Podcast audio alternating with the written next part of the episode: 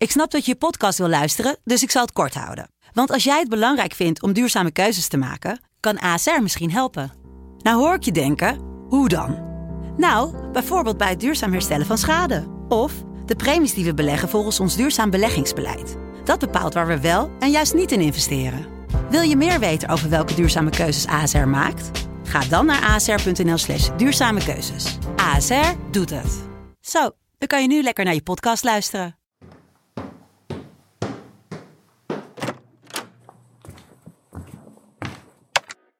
Initiating system one. System one loaded.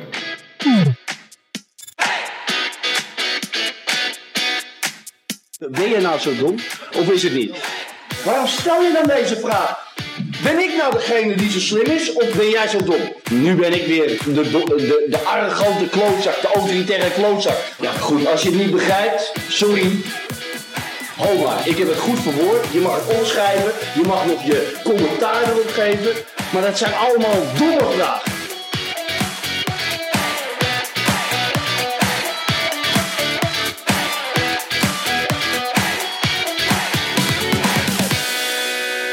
Welkom en leuk dat je luistert naar een nieuwe aflevering van de Voetbalpodcast. Geproduceerd door FC Afkikken. Mijn naam is Jimmy Driessen en ik zit hier weer met de enige echte Sam Planting. Hoi grote vriend. Hey Sam. Hey, eh, voordat we erover gaan beginnen, wat vind je van onze nieuwe jingle? Heb je hem al gehoord? Ja, Oké, ik was hier net, eh, ik was het mikpunt van spot van vier verschillende kanten. Van zowel van jou, Neil, Bruce als Lars. Eh, de hele afkikken crew had zich tegen mij gekeerd. Ik had namelijk onze eerste podcast nog niet geluisterd. Dat komt redelijk humane reden. Ik, ik ben niet zo'n heel erg fan van je eigen stem moeten terug horen. Ik ook niet van die van jou. Exact, dankjewel jong. Hou ook van jou. Eh, maar ik had dus nog helemaal niet door dat we een geweldige jingle hebben. Want ik heb hem dus net, tien minuten voordat wij in de studio zijn gaan zitten, heb ik hem gehoord. Eh sterrenrol voor Louis van Gaal. Die sowieso weer erg On- nieuws is. onze grootmeester. Onze grootmeester. Hij heeft dus nu ook weer een eh, biografie uitgebracht. En die trouwens enorm hard besproken werd in alle kranten. Ja, maar- Paul, Paul Onkenhout heeft hem helemaal afgefikt omdat hij kritiekloos was. Ja, nou ja, ik, ik ben benieuwd. Ik moet, ik moet het toch een keer lezen. Ik moet nog erg veel boeken eh, liggen op de stapel. Ik eerst nog de Heineken-ontvoering. Dus eh, ja, ik zeg je eerlijk, Jim, ik heb die nog niet gelezen. In tegenstelling tot elke profvoetballer uit de jaren 90 heb ik de Heineken-ontvoering nog niet gelezen. Jim, wat heb je voor voetbal eh, gekeken deze week? ja, zijn er meer smaken dan de Bundesliga? Op, ja, ja, je zou nog eh, onderin Duitsland kunnen kijken. Maar nee, er zijn niet echt veel meer smaken. Nee, want onderin kijk je voor de sfeer. En eh, ja, in de Bundesliga kijk je ook voor de kwaliteit natuurlijk. En eh, ja, die was op een paar wedstrijden na gewoon weer grotendeels aanwezig, gelukkig. Want het was vrijdag, was natuurlijk de Berlijnse derby. Ja, het Ja. blijft natuurlijk echt, ik vind het nog steeds, het doet me echt nog steeds, elke keer als ik een stadsderby zie, doet het me pijn dat we hier in Amsterdam die twee, twee clubs hebben. Ja, maar, maar in Berlijn, het is ja, een grote stad in Duitsland. 3,5 miljoen Ja, inwoners. en het heeft gewoon eigenlijk geen succesvolle clubs. Als je het vergelijkt met de rest van de clubs in eh, Duitsland. Nee, want het was natuurlijk weer, nou even, voor, jij, jij hebt die wedstrijd volgens mij ook in zijn totaliteit gekeken. Ja, jammer genoeg wel, ja. Eh, vertel. Ja, het, het is dat jij zegt dat Union eh, met stadion zo, zoveel sfeer heeft normaliter. Want het is niet een club, een team waar ik echt voor ga zitten. Ja, het is natuurlijk, eh, het is de club van Oost-Berlijn, van Ja. de, de, de traditionele werker. Ja, Eh, dus het is op papier een schitterend verhaal Ja. van die club. Maar ja op papier wordt niet gewonnen, hè? Wat, wat, wat- wacht even. Het was, het was, eh, ik, ik, heb die, ik heb de beelden teruggezien, maar het was... Eh, Hertha overklaste Union op alle fronten eigenlijk. En het duurde eigenlijk nog vrij lang voordat die score echt opliep. ja, want, het was na rust. Volgens mij viel de 1-0. Ja, en, en daarna snel, eh, werd, het, werd het al snel 4-0 inderdaad. Eh, ja, Union, he- ik had geen idee wat ze aan het doen waren. In balbezit niet, totaal geen, eh met balverlies ook geen druk zetten, maar ook niet helemaal inzakken. Het, het leek wel een beetje eilandjes te, te vormen en ja, er zat geen idee achter. Maar het grappige is dus wel, is dus dat aan de ene kant heb je... dit, oorspronkelijk, deze wedstrijd was in het Olympiastadion, Ja. dus in het stadion van Hertha. En eh, dit zou dus normaal gesproken eh, qua sfeer... Dit zou een heksenketel zijn geworden. ja, Nog groter dan Galatasaray. Want ik ben, want ik ben bijvoorbeeld benieuwd in hoe eh, die heenwedstrijd Union Hertha, dat was onvoorstelbaar. Van Mhm. wat voor lawaai er, Ja. er, er in dat, dat stadion van Union, een an, ander Alt, Altenforsterij, eh geweldige stadion, wat, wat voor lawaai er werd gemaakt. Maar dit is natuurlijk, ik was echt benieuwd geweest. Dit is er wel eentje die met de fans erbij, denk ik, een, eh, een, een heel ander soort wedstrijd was geweest. Want het is wel echt een soort van het oude voetbal. Dus een soort, dat Union is een club die nog steeds van het volk is. Ja, Die ook tot dit jaar nooit op het hoogste niveau heeft gespeeld. En Hertha is sinds deze zomer ja, toch het nieuwe speeltje van het grote geld. In, elk geval in Duitsland he- hebben ze dat natuurlijk minder door die 50 plus 1 regel. ja. Van een individu mag maar maximaal 49% van een eh, club in bezit hebben. ja, volgens mij zelfs 49,9 mag ook nog. Ja, maar in elk geval hij mag nooit een groot aandeelhouder wo- Ja. worden. Ehm, en deze club is opgekocht deze zomer door een eh, Lars, zakenman. Lars Windhorst.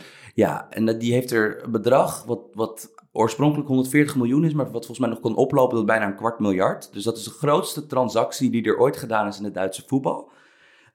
Ja, en dus nu Hertha heeft sinds die lockdown, sinds het lockdownvoetbal is begonnen, twee keer ruim gewonnen. Maar dit is voor de rest een club waar het eh, een redelijk potje is. Ja, maar ze hebben sinds de winterstop, zeg maar, hebben ze wel echt, echt flinke aankopen ook gedaan, hè? Ja, want ze hebben dus Matthäus Cunha. Dat Ja, was een, eh, Van Leipzig. Ja, groot talent bij Leipzig. Maar ja, daar is het zo druk dat, eh, dat daar kwam hij niet aan spelen toe. En jij wilde daar nog Haaland bij zetten, ook nog bij Leipzig. Terwijl het al zo druk was. Ja, nee, oké, maar natuurlijk, tuurlijk, ja. Eh, maar dat, dat, die, dat Matthäus Cunha, dat is wel een beetje de sterspeler daar op dit moment. Een linksbuiten, die daar Javairo Dilrosun uit de basis heeft gespeeld. Ja. Want dat is wel een beetje tragisch, want die had eigenlijk toen het heel slecht ging met Hertha in de eerste seizoen zelf, was die Dilrosun eigenlijk een van de betere spelers. Ja. Want die, heeft, die is volgens mij, heeft Koeman hem ook niet een keer Ja, ja, speelminuten gegeven Ja, Oranje? zeker. En daarna raakte hij geblesseerd. Ja, en hij heeft ook nu al in de. Hij had volgens mij in de pers deze week laten optekenen dat hij ook best bereid is even verhuurd te worden, of wat dan ook, zodat hij weer in de, in de picture komt bij Oranje. Ja. Eh, maar dat Hertha, dat zag je dus ook meteen. Die hebben toen in de winterstop, toen het dus, het leek even helemaal mis te gaan dat ze gingen degraderen. Ze stonden ook ver onder Union op de, op de ranglijst. Ja. Eh, en die hebben er toen een heel pak geld tegen aangegooid. Maar je zag dus ook deze vrijdag, toen Deelrozoener werd ingewisseld, dat een heel deel van dat geld hebben ze alweer door de versnipperaar gegooid. Want ze hadden Christophe Piontek. Ja. Voor de, voor de mensen die, bij wie dit een belletje half doet ringelen, dat is die Poolse spits die ik denk twee jaar geleden in de Serie A had hij zeg maar in de eerste drie maanden van het seizoen 15 keer gescoord. ja, alles wat, wat hij schoot was raak. Ja, dus dat is uiteraard meteen werd hij de nieuwe Lewandowski genoemd en hij heeft daarna nooit meer een bal geraakt. Ik ben er ook een beetje ingetrapt, moet ik zeggen. Ja, ik denk, het was bij hem, hij scoorde zoveel op een gegeven moment dat je dacht van, jee, Minikkie van deze... Het terwijl- moet een keer fout gaan, maar het ging niet fout. Ja, en hij is toen naar Milan gegaan. Nou, zoals bij de meeste spelers die naar Milan gaan, Kerkhoff. anno nu. Ja, dat, dat gaat niet goed. Maar hij is dus ook al nu bij Hertha geen vaste speler. Want eh, daar speelt de, wat is het, 140 jaar oude Vedat Ibisevic nog Ja. steeds in de spits. Ja. Want Die heeft nog de Berlijnse muur opgebouwd. ik denk het ook. Want wat even voor de goede orde, dat toen Hoffenheim de nieuwe club was in de Bundesliga. Dus dat, dan hebben we het over wat, 10, 11 jaar geleden. Toen was hij al een van de meer ervaren sterren uit dat team als spits. En dat is dus 10 of 11 jaar geleden. Dus Ibisevic is daadwerkelijk een, een oude rot. En dan, ja, dan weet ik niet of het een goed teken is als een club die, die zeg maar van ja, die de redenering heeft van ja, we hebben 3,5 miljoen inwoners. We zijn een wereldstad, dus we moeten ook een wereldclub hebben. Dat dan de eerste mega aankoop dat die op de bank moet zitten voor een 40 jaar oude spits. 24, 24 miljoen heeft gekost of zo. Ja, dus ik vind dat wel heel Dus er interessant. zijn dagen dat ik het niet op mijn rekening heb. Nee, en het is toch wel... Ik ben, ik ben benieuwd of zo'n... Bijvoorbeeld Hertha heeft toch wel de contouren van... We hebben het vorige week al gehad over dat eigenlijk... een heel groot deel van de grootmachten in het Duits voetbal... onder Bayern, eh, Bayern München en Dortmund, die zijn verdwenen. Ja. Vandaar ook... Stuttgart, Werder Bremen.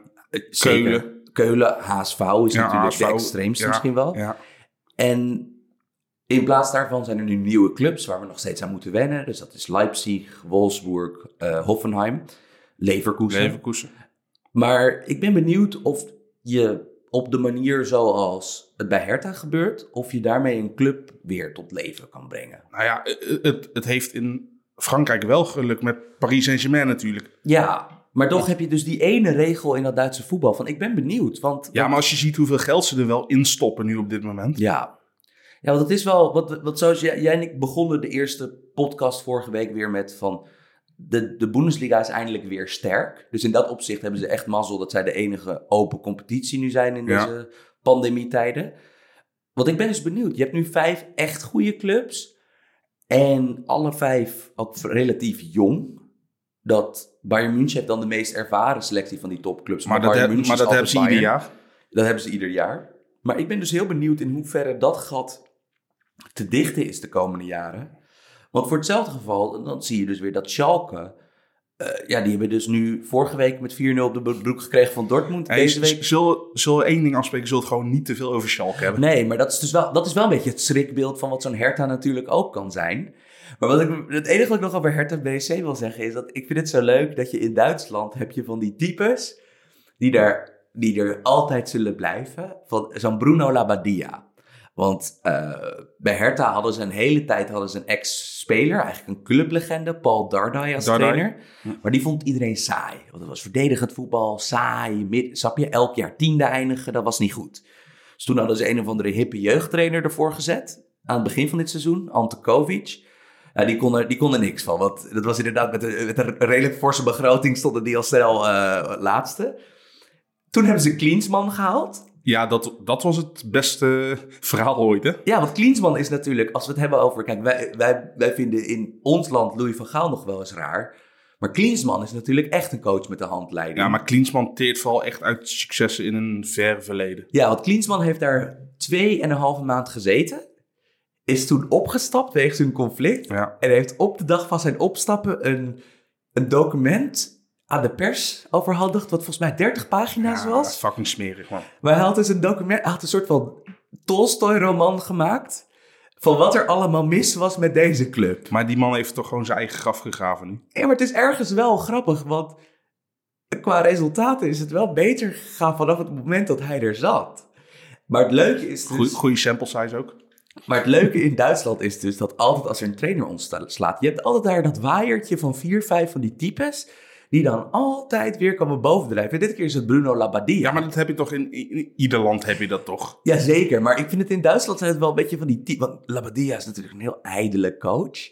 En die kan natuurlijk, alleen al omdat het feit dat nu eh, toevallig, door, die, door dat virus, dat heel de wereld nu opvallend veel van een Duits middenmotor heeft meegekregen die onder zijn leiding staat. Iedereen kijkt naar, naar de Bundesliga op dit moment natuurlijk. Ja, dus Labbadia heeft zijn volgende vijf trainersklussen. Heeft hij Ja. alweer in een, in een tijd van economische crisis, heeft hij zijn volgende vijf baantjes alweer verzekerd. Mocht, mocht hij hier mislukken, dan kan hij zeker de woestijn in. Ja, maar dit, is, maar dit is toch top van dit soort types. Van als jij zeg maar in die waaier zit, van dat jij bij clubs binnenkomt waar de tendens is van kutter dan dit, kan het toch niet. Zullen ze daar nog met een Rolodex werken? dat ze, hey, bij de B, Bruno Labbadia. Nee, die heeft geen club meer. Nee, we we bellen hem. Ja, en dan altijd dat hij altijd van die raak... dit soort types hebben ook altijd raakteksten, hè. Van de, nu moeten de koppen bijeen, alle neuzen dezelfde kant op. Helemaal goed. Maar aan de andere E- kant... echte people's manager. Post-lockdown, Her Hertha, B- Hertha BSC, twee gespeeld, zes punten, zeven doelpunten voor, nul tegen. Labadia kampioenenmaker. Eh, op een wat, op een wat ja. serieuzere noot. Ja. Jij appte mij zaterdagmiddag dat jij, jij had de wedstrijd van het weekend toen al gezien. En dat was eh, wederom onze grote vriend Peter Bos. Ja, Want, praat ons even bij, Jim. ja eh, dat was de topper eh, van het weekend natuurlijk. Gladbach tegen, tegen Leverkusen. Ja, en dit was wel een wedstrijd die ik met sfeer had willen zien. Maar ja, Leverkusen is, staat zo compact goed. En sinds dat Havertz als, als een valse nummer 9 staat, zodat eh Diaby en eh Bellarabi wat meer naar voren kunnen, ja, is het een levensgevaarlijke countermachine. Ja, Ook, ook hoe het eerste doelpunt tot stand komt. eh, bij balverlies eh, over drie schijven, hup, eh, tik-tak-tak. Staat voor de keeper, Havertz, die rondt hem prima af. Want dat die 1-0 was inderdaad, ik denk wel misschien wel mo- de modelgoal van wat Peter Bos wil zien. Hè? Van dat je Mhm. altijd druk zet en dan zodra je die bal hebt, dat dan de snelste route naar voren kiezen. Ja, waren ook allemaal directe passes inderdaad. Ja. En het is nu wel, het begint wel erg, want nu twee wedstrijden gespeeld na de lockdown. Twee keer twee doelpunten voor Kai Havertz. Die nu door, door Peter Bos nu echt als eh, eh, valse spits Ja. wordt gebruikt. Eh, ja, dit begint En, het, en het gigantisch goed doet natuurlijk. Ja, want hij was natuurlijk al het talent van het Duitse voetbal. Ja, En- en, maar goed, hij staat nu wel volop in de schijnwerpers, omdat het ook de enige competitie is natuurlijk. Dus hij wordt nu ook, eh, eh, laat ik zo zeggen, het is, het is echt een riese talent natuurlijk. Maar hij wordt nou natuurlijk ook echt door iedereen bekeken. Ineens. Ja. Maar aan de andere kant, kijk, Duitsland heeft ook, ook dat team wat de wereldtitel won. En daar zaten heel veel wereldtoppers bij. Eh, van Gutsen tot, tot, tot Kroos, tot eh Kedira, noem dat maar op. Eusiel. Nou oké, Eusiel was dan misschien de enige die echt buiten categorie was. Maar in Duitsland heb je eh, heel veel functionele sterren. Bijvoorbeeld zo'n Kimmich is echt een functionele ster. Eh, Werner is, is ook Zelfs Thomas Moeller, waar ik het later nog even over wil hebben, is een functionele ster. Ja, en ik denk nu wel dat ze voor het eerst, ja, sinds vorige week bespraken we ook al het tragische lot van Marco Reus, die ook al dat succes met de landenploeg elke keer moet missen Ja, omdat hij geblesseerd Door is. blessures inderdaad. Maar ze hebben nu wel, ik denk dat Havertz de, de, eh, qua aansprekelijkheid als voetballer, van dat echt dat elke soort voetbalfan uit welke voetbalcultuur dan ook zo'n speler ziet spelen, dat je denkt van jezus, die is, die is goed. Dit is een We hadden het over Lewandowski vorige podcast als eh, complete voetballer. Ja, Ja, is Havertz, ja, hoe moeten we die noemen? Ja, Ultra compleet? ja zeker, want hij, hij, hij is dus al die, hij is dus Per- perfect tweebenig. Ja, want hij, is dus, hij speelt nu vier jaar, denk ik. Is hij echt al een, een Ja. verschilmaker bij Leverkusen? Volgens mij heeft hij al over de 200 wedstrijden gespeeld. Ja, en dus hij, hij, hij is, omdat hij technisch gezien de beste voetballer altijd in die ploeg is, stond hij meestal op 10. Het was altijd de Paser natuurlijk. Ja, en hij is dus nu... eh, Bos ziet dus echt in hem een, een, valse spits. Want het is ook niet zo dat Bos enorme pipo's eh, op die spitspositie had lopen. Van, eh, de, de, de andere keuzes bij. Leverkusen zijn, zijn prima. Volland. Want een, Alario. Ja, en ik denk dat Bos ook wel heeft gezien van oké, van dit is een uitzonderlijk goede voetballer. Maar vooral ja, die tweebenigheid, die techniek, die rust. Van als hij inderdaad een soort van meevoetballende spits kan worden. Ja, dat is dan wel een heel uniek soort speler heb je dan opeens te pakken. Want ik kan niet echt dan zo 1, 2, 3 een andere voetballer verzinnen die zo ehm, compleet is en scoort. Eh, dan denk ik eigenlijk, eh, als ik echt met een speler moet vergelijken. Ik bedoel, het, het is natuurlijk nooit een één op één vergelijking. Maar dan denk ik aan eh, Bobby Firmino. Ja, maar dat is, ik bedoel, dat, dan hebben we het wel al over wat. Ook trouwens een ex-product van de Bundesliga. van Ja. Hoffenheim. Ja. Maar eh, ik begin het wel bijzonder te maar, vinden. maar Kai Havertz is op die leeftijd al, en al verder. En hij lijkt me ook iemand die completer is sowieso. Ja, en eh, het is ook dat... Heeft zijn lengte ook iets... Is, hij- is, is hij veel langer dan Firmino? Een paar centimeter toch wel? Ah, hij is wel hij is een hij, oogt langer in ieder geval. Ja, en het, de grap is dus dat vorige week gaf, gaf, ze, gaf, gaf Bossen, Bossen Leverkusen eh, Bremen een enorm pak slaag. Dat deden ze toen eigenlijk in... Maar dat doen er wel meer. Ja, maar dat deden ze in wat je dan een eh, ja, 4-3-3 of een 4-2-3-1 kan noemen. Maar ze speelden bijvoorbeeld tegen Gladbach, wat dan ook een ti- titelkandidaat of Champions League kandidaat is. Speelden ze nu 3-4-3 of hoe je het wil noemen, maar met drie centrale verdedigers. En in beide opzichten is Havertz gewoon dan als spits, die ook middenvelder is en, en overal eigenlijk opduikt en zo. Van dat, is, dat is wel heel bijzonder hoor. Van, van ik, ik, ik ben benieuwd. En ik, eh, wederom een gedurfde zet van Bos die, die, die uitpakt. Ja. Want wie ook verschrikkelijk goed was dit weekend. Ja, daar wil ik het inderdaad over hebben. Maar ik wil nog even over Havertz nog, het laatste. Wat is zijn toekomst? Gaat hij naar Bayern? Gaat hij naar Dortmund? Of gaat hij gewoon direct de stap maken naar, eh, naar een Europese topploeg? Ja, het was dus, de grap was dus dat het is nu Havertz voor Havertz na. Maar dus net voor de winterstop had hij een beetje wat Ziyech ook bij Ajax had. Want iedereen in, in, in Duitsland is erover eens van dat het een verschrikkelijk goede voetballer is, Ja. Havertz. Maar hij had de eerste seizoenshelft van, het, van dit seizoen ging niet super. En ging er ook al wat... werd ook gezegd dat Brand gemist werd. Ja, want natuurlijk, ja, Julian Brandt die nu dus eh, Bij Dortmund eh, speelt. echt een superster daar geworden is. Van, van die, werd, die hebben ze moeten laten gaan. Maar, ja, als je er nu over nadenkt. Ik, ik, ik denk wel dat deze jongen uiteindelijk Bayer Leverkusen gaat ontgroeien. Ja, nee, da- daar zijn we het over eens. Ja, maar ik bedoel, er is natuurlijk wel wat geld hè, daarvan. Het is Ja, niet zo dat- zeker, dat hij daar... Maar dan is het inderdaad de vraag van... eh, Zo'n jongen... Natuurlijk gaat hij genoemd worden bij Real en Barça, maar dat wordt elke superster. Aan de andere kant, als je dan die berichtgeving een beetje volgt. eh, ik weet, het gaat wel even duren voordat, weer, voordat we de, de transfers van de, negen, de negendubbele cijfers krijgen. Ja. Dus dat een speler voor 100 of 180 miljoen wordt getransfereerd. Zeker met deze coronacrisis. inderdaad. Ja, en ik denk wel dat Havertz zo'n soort speler is. Dat je dan echt moet denken van, nou oké, wat kost een Mbappé? Wat kost een Sancho? Wat kost een Neymar? Dat je Want, echt hij, in heeft ook gewoon, hij heeft ook gewoon zijn leeftijd nog mee natuurlijk. Ja, en in dat opzicht denk ik dat Leverkusen hem nog wel even heeft. Eh, zeker omdat naar alle waarschijnlijkheid gaat Bayern München, een van de topclubs die daadwerkelijk een eigen kapitaal heeft. Die lijken deze zomer, terwijl er natuurlijk niet zoveel toptransfers aankomen, die lijken deze zomer Leroy Sané van Manchester van City, te gaan halen. Ja. Dus ik, het lijkt mij sterk dat, ze, dat je in een zo, zomer na wat er nu is gebeurd, dat je dan twee van dat soort spelers haalt. Maar, maar zie je City uh, Havertz halen bijvoorbeeld? Ja. eh, ik bedoel, het is wel, als je het hebt over spelers die. Bij bijna elke goede voetballer heb je toch zoiets van, ja, als hij naar de absolute wereldtop gaat, waar winnen niet een leuk, leuke bijkomstigheid is, maar een eis is. eh, je hebt dan altijd het idee van, oei, dat wordt aanpassen. Van, het is altijd maar de vraag of zo'n speler aanhaakt. Maar ik denk dat Havertz de categorie is van, dat je eigenlijk wel weet eh, dat het een succesnummer gaat worden. Ik denk dat dat voorlopig.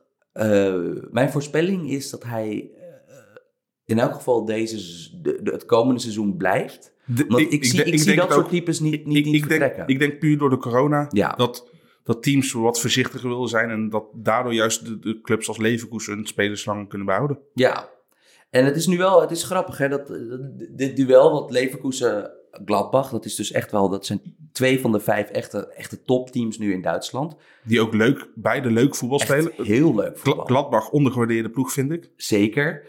Maar het is natuurlijk wel het vorige week er al een beetje over. En ook een beetje met, met allerlei mitsen en maren er al van tevoren opgeplakt. Maar ja, nu weer een ander systeem dan vorige week. Dit keer een 3-4-3. De- Deli Sinkgraven aan die linkerkant. Ja. Ja, dat is echt... Hij is echt goed daar. Maar echt goed goed. Maar, maar we waren het denk ik beide, ik bedoel ik ken jou een beetje Sam, we waren het er sowieso wel over eens dat het gewoon een hele goede voetballer is, mits fit. Ja, maar ik denk toch dat wel wat. Dat misschien dat hij is natuurlijk een beetje verlegen jongen. Het is een technisch soort speler. En dat we dan toch misschien als voetbalfans en ook in de media, noem het allemaal maar op. Dat we dan misschien ook wel soms een beetje conclusies aan iemands persoonlijkheid en uitstraling verbinden. Van dat hij misschien soft is. Ja. Terwijl ja, als je hem in deze rol ziet. Dat je denkt van, jee, Nicky, van zoveel, zoveel heel goede backs zijn er niet. Nee. En hij is er ondertussen wel eentje dat ik denk van ja, dat is wel knap hoor. Maar, maar zie je hem ook in een, een, in een viermans defensie floreren bij bijvoorbeeld Oranje? Ja, dat is de vraag. Want kijk, Koeman is een tactisch heel extreem intelligente trainer. Maar hij is natuurlijk ook niet iemand van de extreem gewaagde zetten. Nee. En bij, er is ook geen argument te maken op dit moment van waarom zou je op basis van het Oranjes sinds Koeman er is. eh, ik zie niet helemaal hoe het argument te maken is dat Daley Blind eruit moet.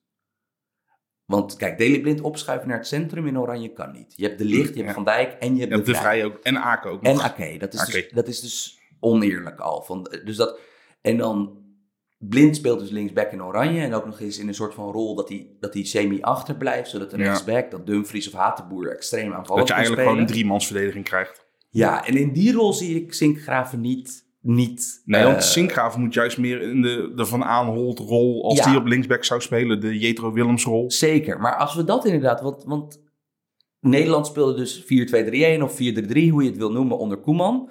En laten we er even van uitgaan voor, voor het gemak van deze discussie... dat Memphis Depay, eh, zodra er weer echt gevoetbald wordt... dat die uiteindelijk weer op tijd fit is Fit voor het EK. ja. Maar dan is het nog altijd de vraag van wat gebeurt er rondom Depay en Wijnaldum? Want je hebt Wijnaldum op 10, Depay als, als valse spits. Ja. Dat is helemaal goed. Maar dan wat doe je op die twee andere aanvallende posities? Want eh, Quincy Promes is goed, maar is hij op internationaal topniveau? Nee, en in Oranje Wat- nooit wat je zoekt. onomstreden. Nee, eh, Bergwijn is, wa- was echt op de goede weg bij Tottenham om van goed naar, naar echt goed te gaan. Ja. Eh, maar het is ook de vraag van in hoeverre die ontwikkeling zich meteen doorzet. Want De- hij heeft daar aardige concurrentie. Plus de, de, de starten vaker goed. Spelers bij de Spurs echt heel goed. Om uiteindelijk toch een terugval te hebben. Ja, en het is ook als aanvaller. Kijk, ik, ik heb het oneindig vertrouwen in Bergwijn, maar José Mourinho als trainer hebben is niet per se ideaal als aanvaller. Toch? Van hij, hij is, je kan het Nou ja, snel misdoen. Het, het leert je het voetbal weer waarderen als je onder een andere trainer gaat spelen. Ja, dus het is. En dan, dan hebben we nog de andere namen die we natuurlijk hebben voor de Oranje aanval. Babel, Nou ja, nee. daar hebben we het niet over. Nee, de- gewoon. eh, Nee. Babel op de EK 21, dat zou echt. eh, ja, dan is er wel denk ik iets misgelopen. Eh, maar alle andere kandidaten die je hebt, zijn allemaal, zitten allemaal wat als sticker aan. Hè? Want je hebt Stenks en Boadu. Van Ja. Ontwikkelen zich het komend seizoen, wat natuurlijk een raar seizoen gaat worden, zich even snel door als nu. Ja, Hoe komt Donjan Malen terug uit van zijn blessure? blessure inderdaad. Ja. Dus dat zijn allemaal, er zijn heel veel wat als eh, kwesties in die voorhoede van Oranje. En dan is na een tijdje, ik bedoel, de oplossing om met een aanvaller minder te spelen, is er natuurlijk wel.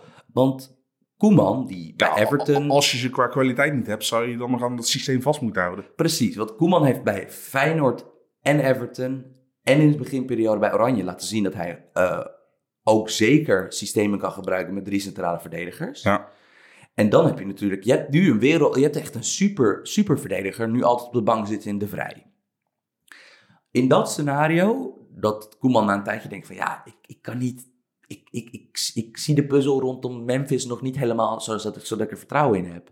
Van als je dan met drie centrale verdedigers gaat spelen, ja, dan is het opeens wel heel moeilijk. Stel dat Zinkgraven dan in die Ja. tussenliggende tijd nog steeds speelt zoals nu. Dan vind ik, zou ik het wel raar vinden als hij niet Eh, in zo'n positie zou ik hem zeker de voorkeur geven boven Blind. Ja, en dan zijn denk ik qua, qua spel van Arnold en, en de eerder genoemde Willems zijn zijn concurrent. En Ja, ja, Willems moet ook nog maar terug zien te komen van die, van die blessure. want ik zie dan wel, de, stel dat je die optie doet. Hè, dat doe je dus Van Dijk, De Vrij, De Licht als centrale eh, trio. Met AK nog achter de hand. Dus dat nog achter de hand. Dan heb je op, als je in dat systeem gaat spelen, zou ik op rechts natuurlijk Hatenboer doen. Ja. Want dan speelt hij in exact dezelfde rol als hij bij Maar, Bergamo doet. maar zelfs Dumfries kan dat nog wel. Zeker. Omdat zijn, ja, zijn kwaliteiten liggen meer aanvallend dan verdedigend. Ja, en ook vooral dat ook Dumfries heeft natuurlijk wel ook de, de, de, de, de loperskwaliteiten van iemand die je... En dan Sinkgraaf op links en dan een middenveld met De Jong, Wijnaldum en of een technisch type of een de Roon type. De golfbreker. En dan, ja, en dan met Memphis met één van die jongens, één, in plaats van twee van die jongens die we net allemaal noemden, maar met één van die, twee, één van die jongens er, eh, naast Memphis. Ja, dat is best een aardig team. Het is alleen dan wel de vraag van, dan slachtoffer je uiteindelijk wel blind voor Zinkgraven. En dat vind ik nog steeds, ik weet niet of ik Koeman dat zie doen. Nee, ik denk dat eh, Koeman lijkt mij wel vrij loyaal. Ja, ja, want dat is natuurlijk. Koeman is erg van de vastigheden en van Ja. de duidelijkheid. En je, nou, ja, je ziet bij Oranje nu dat het werkt. Eigenlijk zie je dat bij op Everton na, bij elke trainersklus waar, waar Koeman heeft gezeten. Ja. Dus ja, ik, dat is interessant. Maar alsnog, Deli Sinkgraven is wel een comeback verhaal ondertussen. ja, de enige vraag is natuurlijk, blijft hij fit? Ja, En, en hoe doet hij het onder een andere trainer structureel dan onder Peter Bos? Want de keren dat hij floreerde, was altijd onder Peter Bos. ja. Want het is natuurlijk wel zo dat, dat, dat als je nu dat succesteam van Ajax bekijkt, van de twee of drie jaar geleden, eh, wat was het, eh, Europa League? Ja. Bijna drie jaar geleden. 16, 17. dan heb je toch best wel een paar jongens die hun persoonlijke piek hebben bereikt onder Bos. Eh, Younes links voorin, Dolberg. Daar zouden Ja. nog andere dingen kunnen spelen, maar, maar Dolberg, Klaassen? Klaassen, Traoré, Schöne, Riederwald. Van het is echt wel... eh, in, ik, er was ook wel een reden dat wij vorige week ook... Ja, dat Leverkusen- Riederwald weet ik niet, toch? Die, die werd juist onder Bos geslachtofferd. Ja, oké, dat, dat, nee, oké, dat is fair enough. Maar Sinkgraven, dan hebben, we, er- dan hebben we er in elk geval al vijf. Ja. die, die aanwijsbaar hun beste tijd als profvoetballer onder Bos hebben gekend. En dan is het inderdaad de vraag van in hoeverre zijn dit, wat we ook vorige week bij al die talenten van RB Leipzig vroegen. Systeemspelers. eh, Ja, ik, ik- dat, dat weet ik niet helemaal, Jimmy. Ik, eh, het is in elk geval opvallend. Als je kijkt naar wat er met al die jongens in dat Europa League team van Ajax is gebeurd. Daarover nog één ding gezegd hebben. Het zou natuurlijk Onana, André Onana, de keeper van Ajax, die wil een, een toptransfer maken. waar wil je naartoe, Sam? Ja, dat is dus de vraag. Want zoveel... Hoeveel topclubs zijn er in jouw ogen in het Europees voetbal? Echte topclubs. Dat je denkt van, oké, die zijn super. Ik denk tussen de zes en acht clubs. Ja, zoiets. En, we, hebben, we hebben deze discussie vroeger in oude podcasts en ook gewoon als vrienden buiten. We hebben dit wel eens gehad. Ik zeg, ik zeg dan altijd iets meer. Ik denk 10 of 12. Maar dus krapste schatting 6, ruimste schatting 12. Dat betekent dus dat er maar 12 keepers op aarde zijn die bij zo'n topclub spelen. Speeltijd hebben, ja. En dan denk ik opeens van, zou zo'n Onana niet er veel beter aan doen door naar gewoon Leverkusen te gaan? Want die hebben bijvoorbeeld een keeper die ik nog steeds niet vertrouw. Kadeki. Ja, van dat is een rare keeper. Dat, ik zou dus in dat opzicht eh, Onana doorgebroken onder Bos. Dat, ik ben benieuwd of dat financieel kan, allereerst. Want Onana zal natuurlijk niet goedkoop zijn, zowel qua transfer Nee. als qua, qua, qua loonkosten Nee, niet. nee ik, ik denk dat Onana... Ik, ik zie hem wel gewoon naar Chelsea gaan of zo. Ja. Ik, Ja. ik, ik bedoel, ik, kan hem begrijpen. Ik bedoel, ik zou Chelsea niet boven Leverkusen verkiezen. Maar goed, ik kijk natuurlijk als eh, voetballiefhebber, als Ja. supporter. Ik weet niet wat ze beide kunnen betalen. Ik neem aan Chelsea En stuk meer daarnaast natuurlijk. ook, als we even heel reëel zijn, eh, wonen in een buitenwijk van eh, de industriestad Leverkusen versus of- Londen is ook nog een ander verhaal. Zeker, zeker. Maar ik, ik denk dan eerder dat Chelsea een reëlere optie is dan Leverkusen. Ja, in elk geval laten we hopen dat die, dat, dat, dat, dat die murmeringen over Barça, waar ik sowieso een beetje van denk van eh, Barcelona, jullie hadden toch geen geld? Ik hoop in elk geval niet dat Onana dan naar de, een van de drie clubs gaat op de wereld waar een betere Nee, keeper dan ja, hij Ter- eh, onder staat. Hey, maar goed, we hebben genoeg over Ajax en Onana gepraat. Eh, ja, waar zie jij Leverkusen eindigen? Ja, dat is natuurlijk de vraag. Dat, dat ondertussen het, het gat van Bayern met Dortmund is vier punten. Vier punten, ja. En dan tussen Dortmund en nummer twee, er zitten in eh, Leipzig. Leipzig, Leverkusen en Gladbach. Die staan op vijf punten van elkaar. Ik denk dat ondertussen, ook gezien het duel van zaterdag tussen Leverkusen en Gladbach, dat Gladbach uiteindelijk de lul is van de, van de, dat, dat, dat het dus het Ja. goede team gaat zijn wat niet Champions League voetbal gaat halen. Wat heel erg pech voor ze is. Ja. Want in een ander Bundesliga jaar word je heel simpel tweede achter Bayern met Ja, deze... met Volgens mij in het eerste jaar van eh, Leipzig eh, op het hoogste niveau werden ze tweede met 67 punten of zo. Ja. Zeg ik uit mijn bloot hoofd? Ja, want bijvoorbeeld Leipzig, er bestaat een kans dat Leipzig nog vijfde wordt dit seizoen. Terwijl ze hebben dus nu met zeven wedstrijden te gaan hun clubrecord aan doelpunten in de Bundesliga al verbroken. Is op zich niet zo moeilijk. Jonge club natuurlijk, Leipzig. Aan de andere kant, als we ze dan dit weekend even weer tegen Mainz zagen huishouden. Er staat mij bij dat die eerste wedstrijd eh, Leipzig-Mainz werd volgens mij 8-2. Of 8-0. 8-0. 8-0. Ja, ja, ja. En nu was het een 5-0. En als we ook heel eerlijk zijn, was dit het soort 5-0 waar je denkt... Dat, Had erger kunnen zijn voor, de, mijn, voor mijn minds. Hè, dat ik vorige week heb gekozen. Ik had misschien even naar het speelschema moeten kijken. Eh Mainz met Bruma en St. Just, Just- in de achterhoede. en Boetjes op middenveld. Yikes. Dan, eh ja, we hadden het vorige week heel lang natuurlijk over dat Leipzig eh, een, een topclub is die we alleen nog niet erkennen als topclub. Ik denk in ieder geval dat ze na, na dit weekend een hoop fans eh, bij hebben gekregen. Want hoe die speelden. Ja, dat is wel heel bijzonder. Hè? Dat, dat, dat als dat daar loopt. Want ze hadden dan ook dit keer. Vorige week hadden ze tegen Freiburg. Ja, ook met 4-5-1 kunnen Nou, ze winnen. hadden 11, 12 grote kansen. Hadden. Ja, en dan zie je dus dat ze deze week, dat zo'n Nagelsman van, oké, nou, doen, doet een aanvaller erbij. Spelen ze dus in plaats van 3-5-2, spelen ze eh 4-4-2. Ja, 4-2-2-2 eigenlijk Ja, zelfs meer. Ja, dus eigenlijk dus met, met vrij veel, echt in wezen drie aanvallend ingestelde middenvelders, backs die eigenlijk als buitenspelers spelen. Ja. En het was weer, net zoals in die eerste wedstrijd tegen Mainz, het was weer de grote Timo Werner show. Hè? Van, eh, die jongen is op de brommer. Die, had, die, die had een dubbele hattrick kunnen maken. Ja, dat was onvoorstelbaar weer. Hè? Dat, dat, als het daar loopt bij dat Leipzig, dat is echt lawinevoetbal. Van dat, dat, als dat eenmaal, als je ze eenmaal zeg maar in, dat tempo laat komen, van dat ze dus elke keer weer jagen, jagen, jagen. En dan, Ja, die Sabitzer is zo'n tempo bepalen. Niet Ja. normaal. ja, het is sowieso, ik, ik, ik zat deze wedstrijd te kijken, vanochtend zat ik deze wedstrijd te kijken. Tegen, te- eh, en dat ik dan die Sabitzer en die Leimer eh, zag voetballen in de eerste helft. En ik dacht van ja, dat wordt wel heel interessant voor Oranje op het EK hoor. Van, je Ja. hebt een paar types bij Oostenrijk dat je echt denkt van jezus, die, dat is echt, dat is nou het moderne voetbal. Van, Ja, van die, echt die, die blijven gaan inderdaad. Ja. En dat, ik ben wel benieuwd waar dat... Dat zou me niks verbazen als dat een heel lastige wordt hoor. Maar dat, oké, maar dat is de volgende zomer. Ik wil het trouwens even over een speler hebben. Eh, misschien ook met de mooiste actie van de wedstrijd. Kevin Kampel. Is toch eigenlijk in, in, in- sinds dat hij bij eh, Salzburg weg is gegaan naar Dortmund en eh Leverkusen, toch min of meer mislukt een beetje daar. Ja, want dus eh, toen Ajax onder Frank de Boer zo enorm werd afgetakeld door dat Salzburg. Met Soriano en Mané. Ja, was het dus eigenlijk twee spelers die we nu nog steeds echt kennen waren onvoorstelbaar. Sadio Mane van Liverpool en, en deze Kevin Campbell.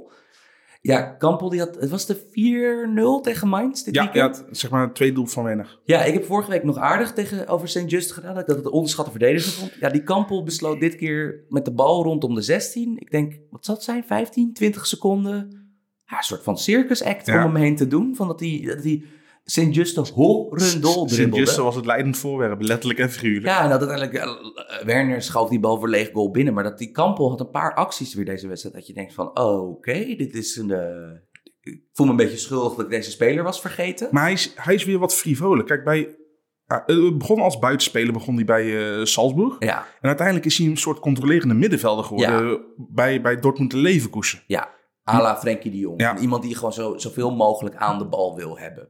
En eh, daar verzoop hij. Want het is gewoon het is een hoog niveau in de Bundesliga. Het, is, het is lastig om basisspeler te zijn bij zo'n club. het is geen schande om op die positie te mislukken. Nee, maar hij heeft dus nu een beetje bij Leipzig. Want ik was hem eigenlijk alweer een beetje vergeten. Hij is de eerste seizoen zelf geblesseerd geweest vooral.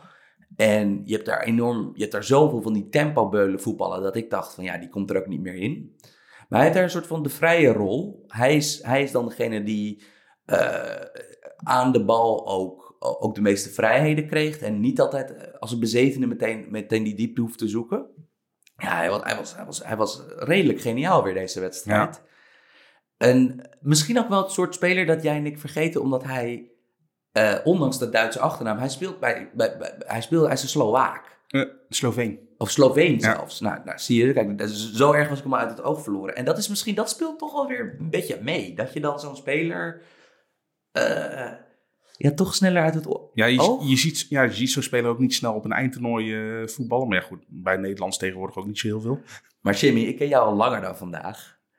Want hij is jou niet alleen opgevallen als voetballer. Dat weet ik vrijwel zeker. Oh, we gaan naar Studio Randzaken worden. Kom op, kijk, kijk me even aan, want jij weet volgens mij donders goed wat ik bedoel. Duitsland is sowieso tier 1 qua smerige kapsels. Het staartje. Ja, dit is ook wel weer. Dit is ook wel weer. Dit is zeg maar. Dit is gewoon jaloezie van mijn kant. Omdat ik geen haar meer heb. Omdat ik misschien de nieuwe coach van FC Cincinnati word. hey, luister. Ondertussen kan iedereen dat zijn, hè? Ik had ook zoiets van: is dit, die, is dit Jaap Stam op die, op die aankondiging of was jij dat? Kevin Kampel, toen jij. Ik, ik wist, ik zag dat kapsel, ik wist dat je erover ging beginnen. En ik zat te denken: van wat is dit kapsel? Wat is dit kapsel? En toen, en toen was ik erachter gekomen dat in een romcom toch in een romantische comedy, is er altijd het misverstand. Van dat een van de twee denkt dat de ander vreemd gaat. En dan bijvoorbeeld, ja luister, luister. Waar ga je naartoe? Luister, luister. Ik, ik, ik, ik, krijg deze, ik krijg deze trein op het eindstation. En dan, Kevin Campbell ziet eruit als zeg maar de yoga-instructeur. Waar dan de mannelijke hoofdrol denkt dat, de, dat zijn, zijn- de, de vrouw waarop hij verliefd is, mee vreemd gaat. Dat hij denkt van, oh shit, daar gaat hij mee. Dat is Kevin Campbell. Hij heeft zeg maar een soort van... De, Je hebt nou ook, dit is ook gewoon de storyline van GTA 5, hè, dit? Oh, dat wist ik niet. Oh, dat, kijk, kijk, kijk. Dat, dat, grote spelers daar eh, bij, in de scriptkamer van eh, GTA. Maar het is inderdaad in... Ik, nu, nu weer twee weekenden... Nu we weer dat Bundesliga voetbal krijgen. Het is inderdaad wel zo dat... Ondanks dat Duitsland voor de rest een heel modern voetballand is geworden... Is de smerige kapsels zijn er nooit weggegaan. De- hè? Van de ja. rattenstaartjes en de... eh, heel raar opgeschoren. Glibbermatjes. Ik vind dat wel heel goed. Ik vind wel dat dat, dat, dat, dat koste wat het kost behouden moet worden. Zijn in Duitsland eh, de kappers alweer open? dat is een goede vraag. Ja, ik vrees van wel. Als je zo deze, deze, deze, deze bouwwerken weer zag. Toch? Nee, maar genoeg over kapsels. eh. ik denk dat, eh, dat Leipzig zich eh, enorm weer heeft laten zien aan alle neutrale kijkers van het voetbal. Ja, en ook dat... ik heb een beetje spijt, want ik heb dus als persoonlijke club Mainz gekozen, vorige podcast. En je gaat nou niet wisselen. Nee, dat mag niet. Ik bedoel, ik zit met Keulen. Ja, jij zit... Oké, we hebben allebei misschien... We hadden misschien allebei misschien wat iets strategischer moeten kiezen. Over Keulen gesproken trouwens. Ik zat die wedstrijd via een buitenlandse stream te kijken. Ze hadden daar gewoon, via de zender hadden ze daar gewoon publiek onder staan. Het was echt Het was echt zo slecht. Gewoon bij een beslissing van de scheidsrechter, boegeroep. Toen de bal achterin te lang rond werd gespeeld, boegeroep. Oh, maar dit is echt top. Dit, de- deze baan wil ik hebben als dit ooit in Nederland komt. dat is gewoon... Ja, ik had een fragmentje van gezien, maar jij vertelde mij dus dat het, dat het dus in de productiekamer Ja. erin werd. Dat het niet, want het, het, het enige wat voor mij het nog perfecter zou maken, is dat de- deze neppe stadiongeluiden in het stadion worden gepompt. Want dat zou het nog grappig. Want je moet dit, als je, snap je, als je enigszins handig bent op internet, probeer dit even terug te zoeken. Eh Jimmy omschrijft het perfect hier. Het, het was heel, heel vreemd. Ik zou zo fire gaan met alle scheldkanonades tegen de scheidsrechter. maar het is, eh, eh, ja, ik vond het wel een aparte gewaarwording. Even over geluid tijdens de wedstrijd. Ik vind die co-commentatoren, dat is volgens mij, eh, snap je, in rare tijden gaan we dan andere dingen doen die blijven hangen. Volgens mij is na twee weekenden kunnen we afhameren dat de co-commentator een blijvertje is, toch? 100% eens. Want dat is gewoon, eh, Hebben, hebben het vorige, pod Ja. vorige podcast was ik nog gematigd enthousiast, omdat ook ik eraan moest wennen natuurlijk. Maar eh, als daar het stadion weer vol zit, vooral met... eh, ik ben altijd wel kritisch op ex-voetballers. Maar ik vind wel dat de ex-voetballers nou juist een toevoeging zijn. Want die kunnen juist dingen vanuit het veld kunnen ze vertalen naar wat er allemaal gezegd wordt. Ja, wat ik vooral wat ik leuk vind, en dat is denk ik wat, wat, wat, waarom het in Amerika dat co-commentaar meestal werkt, of juist een ramp kan worden. Van, eh, je merkt dat, dat, dat ze elkaar mogen in de geluidskamer. En En als dat niet zo is, weten ze het heel goed te dan weten ze dat echt supergoed verbergen, want het, het klinkt als dikke lol daar. Ja. En dat is namelijk in Amerika altijd zo dat al- als zo'n duo bij een basketbal of een merk voetbal of een honkbalwedstrijd elkaar mag, dan is het echt super leuk. Ja, maar dan gaat het ook veel natuurlijker. Terwijl het wordt heel ongemakkelijk als je zeg maar soms Een, een beetje zoals wij onze podcast hebben. Heel Ja. ongemakkelijk. Bijvoorbeeld zeker dat honkbal, wat een beetje een oude sport is. Ja, heb, je soms zo'n, heb je soms zo'n co-commentator van 80 die niet helemaal meer, snap je, op zijn allerscherpst is? Je, je hebt alleen maar 80-jarige oude En commentators. dan wordt het daar altijd heel ongemakkelijk van, van. Vooral als ze dan zo iemand te gast hebben dan als derde persoon. En dan denk je weer van, oh, dit, dit is... Ja. En dat is dit totaal niet. Van het plezier spat eraf. En eh, eh, toch een beetje het ongemak van het ontbreken van het publiek valt minder op. Ja. Maar als wij volks een tip kunnen geven, misschien toch één keer per week, doe het maar bij de slechtst bekeken wedstrijd. Die stadiongeluid. Stadiongeluiden voor ons, alsjeblieft. Met spreekkoren. Ja, dan inderdaad. Wij leveren de stadiongeluiden aan. Gaan wij even hier samen met Broes en eh, Lars gaan wij even rellen zometeen. Wij hebben hier een mooi audiohok, gaan we doen. Wij leveren de stadiongeluiden aan. Maar dat mag ook bij eh, derde niveau helemaal goed. Wij kijken. Wij kijken, toch? Van Wehen, Wiesbaden, eh, Osnabrück kijken wij als, die, als dat bandje erop wordt geplakt. Ja, nee. 100% eens, Sam. Van eh, een, een fictief heel slechte wedstrijd naar de misschien beste wedstrijd in, de, in Duitsland. We hebben, ehm, deze podcast verschijnt dinsdagochtend. Ja, en dinsdagavond is de, top, de echte topper in, eh, in Duitsland. Is, dit- heet die gewoon der klassieker? Nee, dat durf ik niet te zeggen. Maar ik vind dat soort bijnamen vind ik In altijd zo oninteressant. Bayern München eh, tegen Dortmund. Eh, Dortmund, Bayern München. Ja. Zeker. En dan zie je, voordat we even kijken wat Bayern en Dortmund dit weekend hebben gedaan, dan zie je wel hoe ver Dortmund is gekomen van, ik denk dat het november moet zijn geweest. Toen was het Bayern-Dortmund, dus in München. En dat was een deceptie voor Dortmund. Die, hebben echt, die gingen er met 4-0 af. Ja. En dat was toen ook net, eh, die Hansi Flick was En net bij Bayern Dat binnen. was niet geflatteerd. Dat was absoluut niet geflatteerd. Dat was, als ik heel eerlijk ben, de beste 90 minuten voetbal die ik in eh, dit seizoen heb gezien. Van welke ploeg dan ook? Welke ploeg dan ook. Dat was echt, dat was dat, dat, dat Fliek was toen net bij Bayern binnen. En dat ik toen opeens dacht van holy shit, van Bayern is misschien wel de beste ploeg ter wereld met een goede trainer.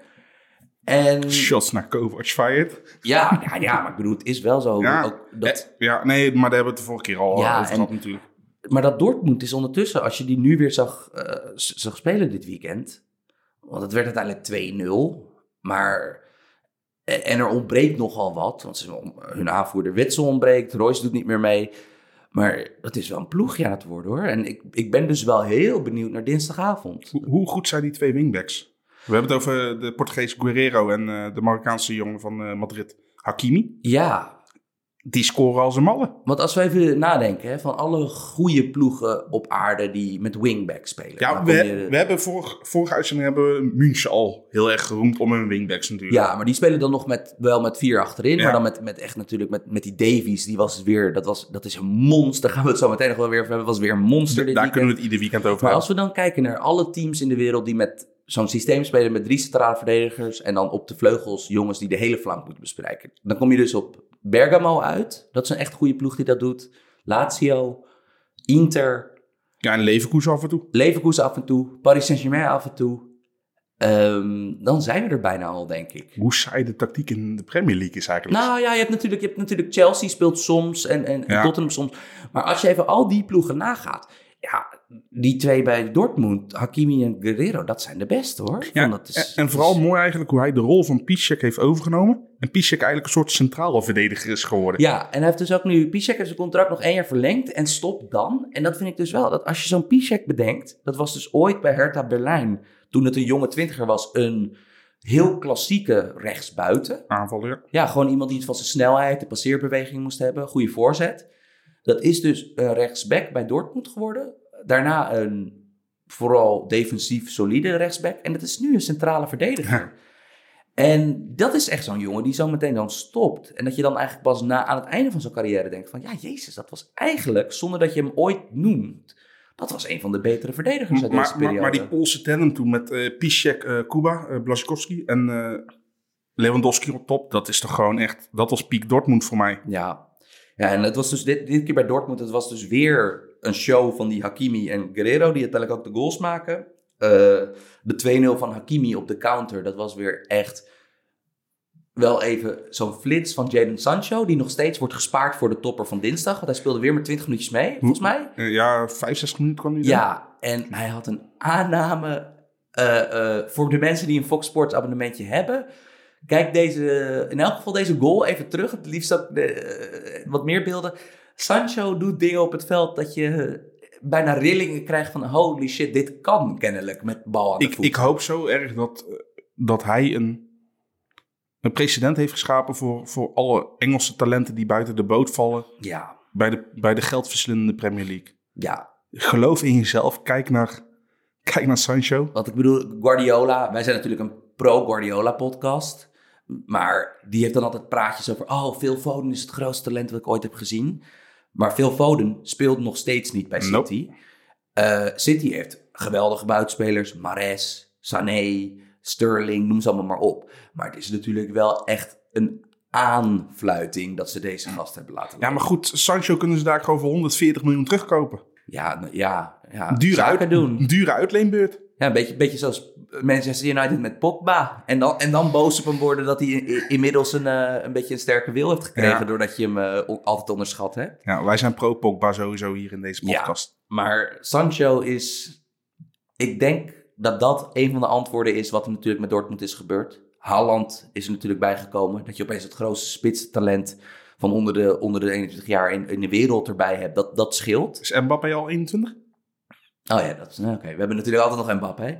Eh Imre Can hebben ze toegevoegd. Die lijkt op tijd fit. Speelde een helftje mee tegen Wolfsburg dit weekend. Dat is eh, krachtig. Ja, Hummels viel alleen wel uit, hè?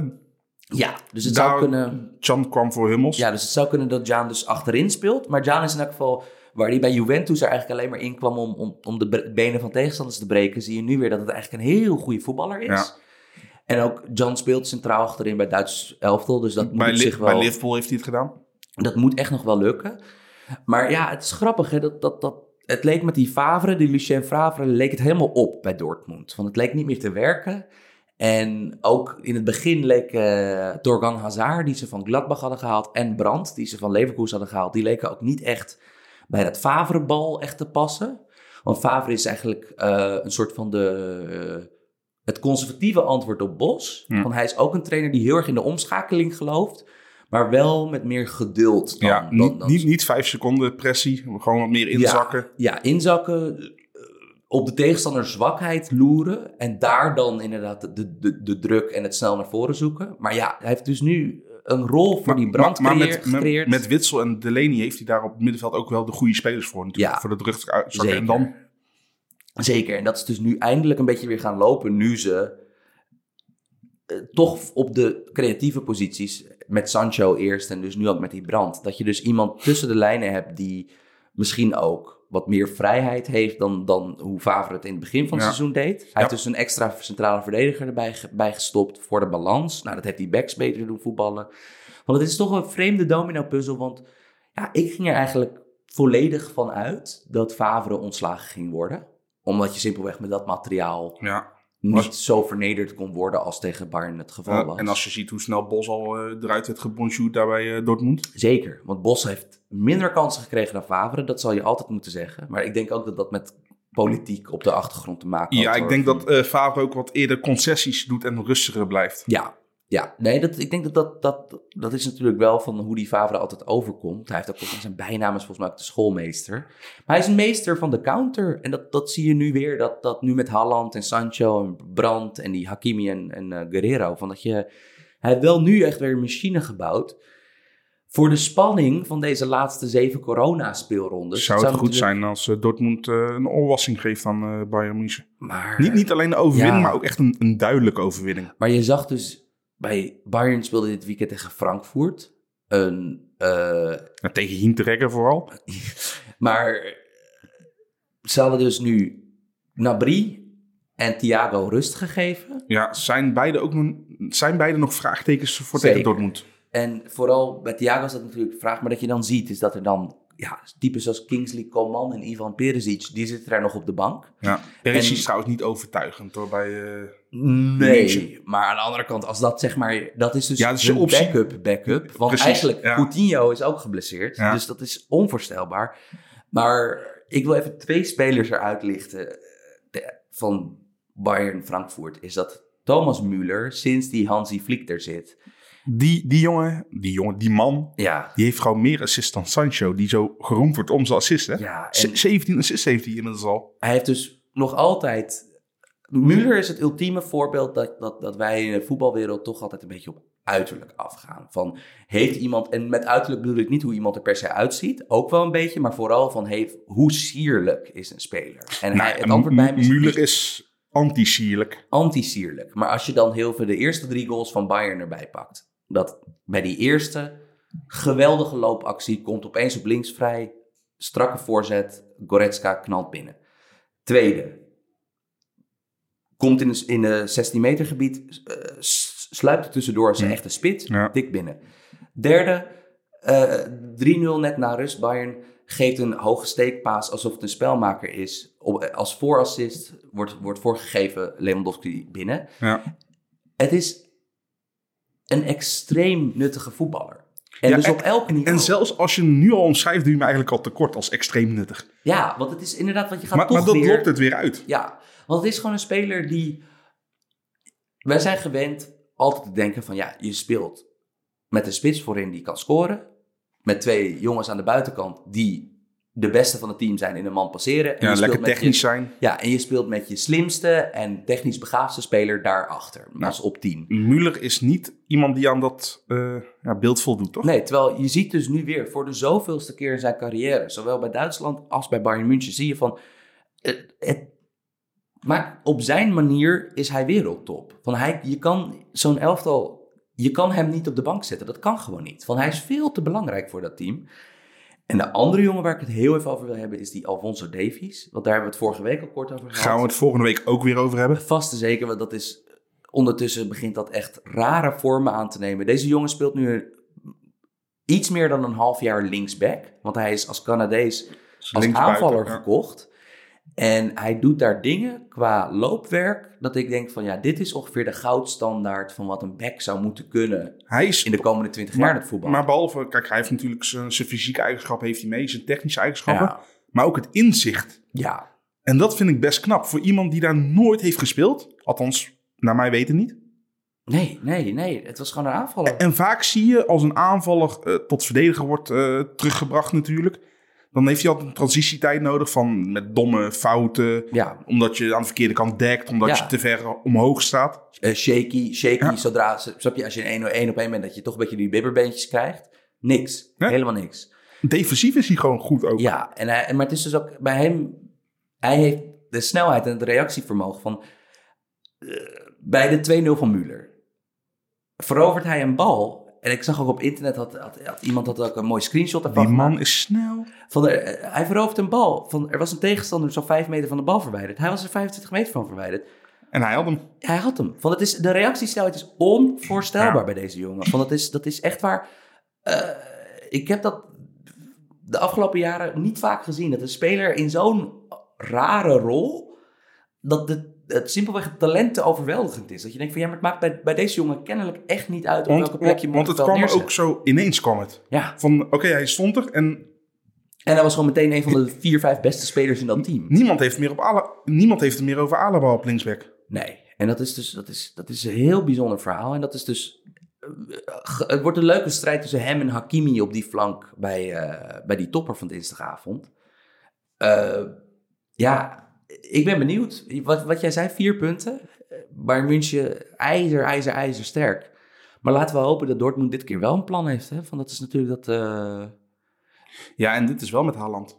en dit is met Halland. Dat is natuurlijk wel dat is een groot verschil. Ja. Dus- En, en moeten we ons eigenlijk al een beetje fixeren op een, op een Dortmund zonder Royce en Gutsen? Want Gutsen, zijn contract loopt af, wordt niet verlengd. ja, hebben ze deze week gaat, dus, gaat eh, zelf weg. Ja, hebben ze deze En- week dus ook gezegd. Hè, Ja. dat, dat, dat, dat En, en Royce is, ja, is ook niet meer fit te krijgen. Maar ik ben dus benieuwd. Bijvoorbeeld, wij begonnen deze uitzending met dat Hertha Ber- Berlijn, waar Hertha BC, waar dus nu geld zit. En dat zou bijvoorbeeld een logische plek kunnen zijn waar zo'n Gutsen, net zoals zo'n ander geflopt wonderkind, of nou niet geflopt wonderkind, maar Julian Draxler is bijvoorbeeld ook iemand die ik daar zie eindigen. En, maar bij Gutsen denk ik zelfs van, ja, ik vrees dat het voor hem zandbak of stoppen wordt. Ik denk dat hij het, de belasting en tempo niet meer aan kan. Nee. Ja, het is een tragisch verhaal. Want het, is, het was eigenlijk tot aan die winnende WK-goal. Hij was bij dat Dortmund van Klopp, was hij onvoorstelbaar. Eigenlijk sinds, sinds een overgang naar Bayern München Ja, is het eh, op. het is op. En het is gewoon, hij had natuurlijk hij had een stofwisselingsziekte gekregen. Hij had wat knieblessures gekregen. Maar het was bij hem ook gewoon zo dat, eh, ja, in het tijdperk van de pressing en dat alles maar snel moet en omschakelen. En hij was natuurlijk zelf ook een jongen die zich daar goed voor leende bij Klopp. Hij heeft, hij heeft echt een Braziliaanse carrière. Heeft hij. Ja, want hij heeft natuurlijk, maar hij is in het verkeerde tijdperk geboren. Ja. Want ik denk dus dat als hij een jaren 90 voetballer was geweest, dat hij gewoon van die blessure terug was gekomen. Want hij heeft wel natuurlijk, hij had een techniek en spel in zich wat niet veel spelers hadden. Dat spel in zicht heeft hij nog steeds. ja, en, maar maar als, je, als je hoofd iets wil, maar je lichaam het niet meer aan kan, is het over. want hoe oud, weet je toevallig hoe oud hij is? Hij is denk ik 29? max, echt maximaal. En dat is dus echt al, nou, die, die terugkeer bij Dortmund is hij eigenlijk al een hele periode 27 Hij zelfs pas. 27. Hij kon eigenlijk bij Dortmund alleen nog maar gebruikt worden als valse spits. Dus dat hij dan voorin liep, dat hij niks hoefde te doen bij het verdedigen. Dat ook het loopwerk aan de bal niet door hem werd gedaan. En ja, dat is wel een raar verhaal, hoe, dat, hoe, hoe snel dat is gegaan. Maar dat is de, misschien in zijn kielzog de nog betere Royce. Ja. Kijk, die heeft dan natuurlijk in de periodes dat hij wel fit was, was hij extreem goed. In dat opzicht heeft hij... Die, die is nog steeds goed als hij fit is. Ja, want dat was natuurlijk, dat, dat, dat is een beetje zoals Arjen Robben. Van dat is iemand die altijd van blessures op hetzelfde niveau terugkwam. Omdat je elke keer weer, als je weer Royce zag voetballen, dat je dacht van godverdomme, die heb ik gemist. Van die, die, die kan echt, die kan Ja. echt wat.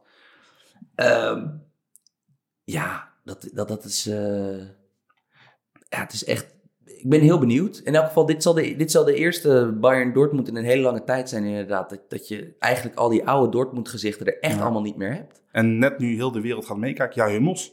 Misschien. Ja, en zelfs die is misschien dus geblesseerd. Ja, ja dit is eh, eigenlijk wel genoeg over de Bundesliga wat we nou hebben besproken. Ook het enige wat we kunnen bespreken, maar het, het goede nieuws. Ik bedoel, ja, goed nieuws. Ik, ik, in de tijden van corona wil ik altijd een beetje gereserveerd zijn of het goed nieuws is en eh, wat de menselijke afwegingen zijn. Maar Spanje wil weer gaan voetballen in eh 12 juni. Ja, En ze proberen 11 wedstrijden in, eh, in een korte tijd te proppen. ja, want er moeten dus elf speelrondes gedaan Ja. worden. Maar ja, ik begrijp het gewoon nog niet, Jimmy, want die contracten lopen tot 1 juli. Ja, Dus dan moet er dus overal dispensatie worden gevraagd. ja, Een dispensatie die volgens mij de Bundesliga niet heeft gekregen. nee. En, en sowieso, als ze het al krijgen, moet club en speler ermee instemmen natuurlijk. Ja, want bijvoorbeeld stel dat jij een speler bent en je bent een belangrijke speler bij... Je bent veel, tra- transfervrij. Ja, van je speelt bij, eh, laten we zeggen, Leganes. Ja. En jij bent een rechtsback en jij weet dat je contract afloopt. Je weet ook al waar je daarna gaat spelen. Eh, Of dat weet je bijvoorbeeld nog niet. Dat is nog pijnlijker in dat geval. Maar je weet bijvoorbeeld van ja, ik ben een belangrijke speler, maar mijn contract loopt hier af en ik krijg geen nieuw contract. Zou jij, ja, dan is het wel de vraag van, Dan moet je een afweging maken. Eh, wat zijn de kansen op blessures? Want je hebt dan een hele lange tijd niet gevoetbald. wat zijn de kansen op corona?